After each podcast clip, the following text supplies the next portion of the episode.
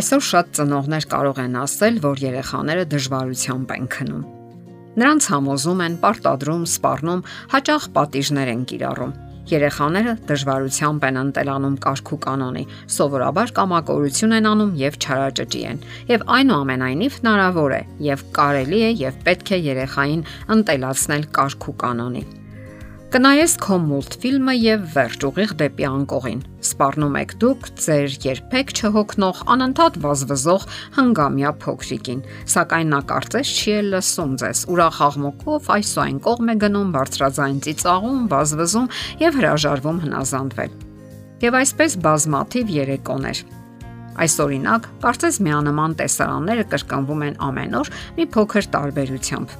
Ախր քունս չի տանում, ես բոլորովին հոգնած չեմ, համառում է փոքրիկը աղերսագին, եւ այստեղ դուք չեք դիմանում։ Երբեմն զիջում եք, երբեմն ոչ, երբեմն բարկանում եք, երբեմն կատաղում։ Իսկ ավելի հաճախ նա այդ փոքրիկ անխոնջ շարժիչը գործի է դնում բազմաթիվ խորամանկ հնարքներ։ Հարկավոր է գնալ զուգարան, կարիքներ ունի հանկարծ ծարավում է, կամ էլ ոտիկն է ցավում, կամ էլ փորիկն է ցավում,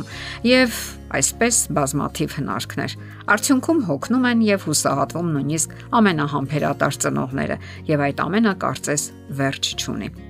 Իսկ ի՞նչն է ի վերջո այդ ամենի պատճառը, որտեղից այդքան համառություն փոքրիկների մեջ, կամ ինչու այդպես համառորեն նրանք չեն ցանկանում քնել։ Եվ այստեղ ամենից առաջ պետք է հասկանալ մի པարս ճշմարտություն։ Ավելորդ նյարդայնությունը, գրգռվածությունը, բղավոցն ու ճղավոցը, նույնիսկ պատիժները ոչնչով չեն օգնում հարցի լուծմանը։ Ծնողները պետք է թույլ չտան երեխային անընդհատ իրենց ներքաշել անիմաստ երեկոյան քաշքշոսների ու պայքարի մեջ։ Ասենք որ անիմաստ է նաև ծնողների կողմից երեխային նյարդայնացնելը։ Այդ ամենը նաև երեխաներին է վնասում։ Անհամեմատ ավելի լավ է օգտվել որոշ օգտակար խորհուրդներից։ Դրանք կօգնեն երեխային, որ նա քնի ժամանակին, կօգնեն նրան ազատվելու առողջության հետ կապված որոշ հիմնախնդիրներից, որոնք կապված են քիչ քնելու հետ ներկայացնենք այդ խորհուրդները եւ հուսով ենք, որ դրանք անպայման կօգնեն ձեզ։ Հարկավոր է երեխային քնասնել ամեն օր միևնույն ժամին կանոնավոր խնամքով եւ գրագետ կազմված օրվա գրաֆիկը երեխային կայունության եւ հուսալիության զգացում է հաղորդում։ Երեխան մտնում է այդ ռիթմի մեջ, ընտելանում է դրան։ Արդյունքում դուք այլևս չեք լսում ձանձրացնող ու նյարդայնացնող արտահայտությունը։ Մայրիկ, մի քիչ էլ մնամ Ծնողները պետք է իմանան, որ կրտսեր դասարանի երեխաները պետք է քնեն առնվազն 10-ից 11 ժամ, որքան փոքր է երեխան, այնքան շատ պետք է քնի նա։ Ինչ կասեք հերոստացույցի կամ այլ էկրանների մասին։ Հետազոտության արդյունքները վկայում են, որ օրվա մութ ժամին էկրանի պայծառ լույսը կարող է պատճառ դառնալ դեպրեսիայի եւ նույնիսկ ինքնասպանության մտքի։ Կենթանիների վրա կատարված հետազոտությունները ցույց են տալիս, որ մոնիտորի լույսը մինչև քնելը կամ քնի ժամանակ կարող է դեպրեսիայի առիթ դառնալ կենթանիների համար, եթե անգամ նրանք չեն նայում էկրանին։ Ծնողները պետք է պարզապես այդ սարքերը հեռացնեն երեխայի մահճակալի մոտից։ Հաջորդ պահը՝ երեխան պետք է հանգիստ լինի։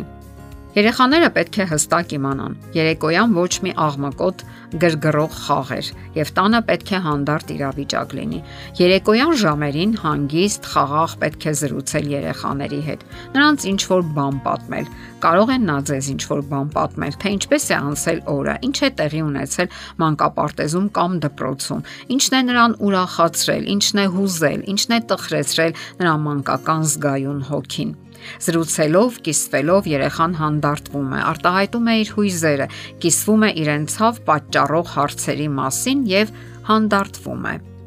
Այդպես նա քնում է խաղաղ, հանգիստ, ամուր քնով։ Իսկ հա բացասական երանգավորում ունեցող հերոստահաղորդումները չի կարելի դիտել։ Դրանք գրգռում են երեխայի դեռևս չամրապնդված հոգեբանությունը, նյարդային համակարգը եւ ոչ միայն, անկամ շատ մեծահասակներ չեն կարողանում քնել նման հաղորդումներ դիտելուց հետո։ Ձգտեք ձեզ համար անխախտ կանոն սահմանել։ Քնելուց 1 ժամ առաջ ոչ մի հերոստացույց կամ գոնե երեխաների քնելուց առաջ։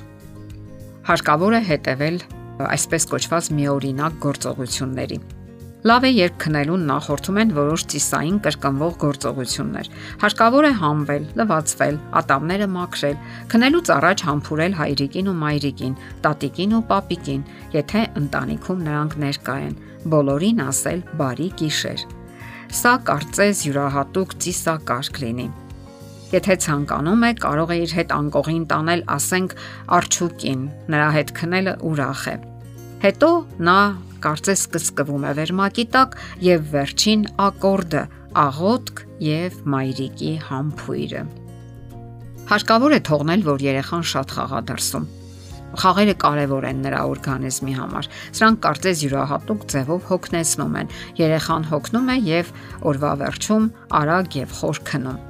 Վատ են քնում այն երեխաները, ովքեր երկար նստում են հեռուստացույցի կամ համակարգչի առաջ կամ անշարժ են։ Ընդ որում հետևեք, որpիսի բջջային հեռախոսները անջատված լինեն, որովհետև զանգերն ու հաղորդագրության ազդանշանները հաճախ խանգարում են երեխաներին։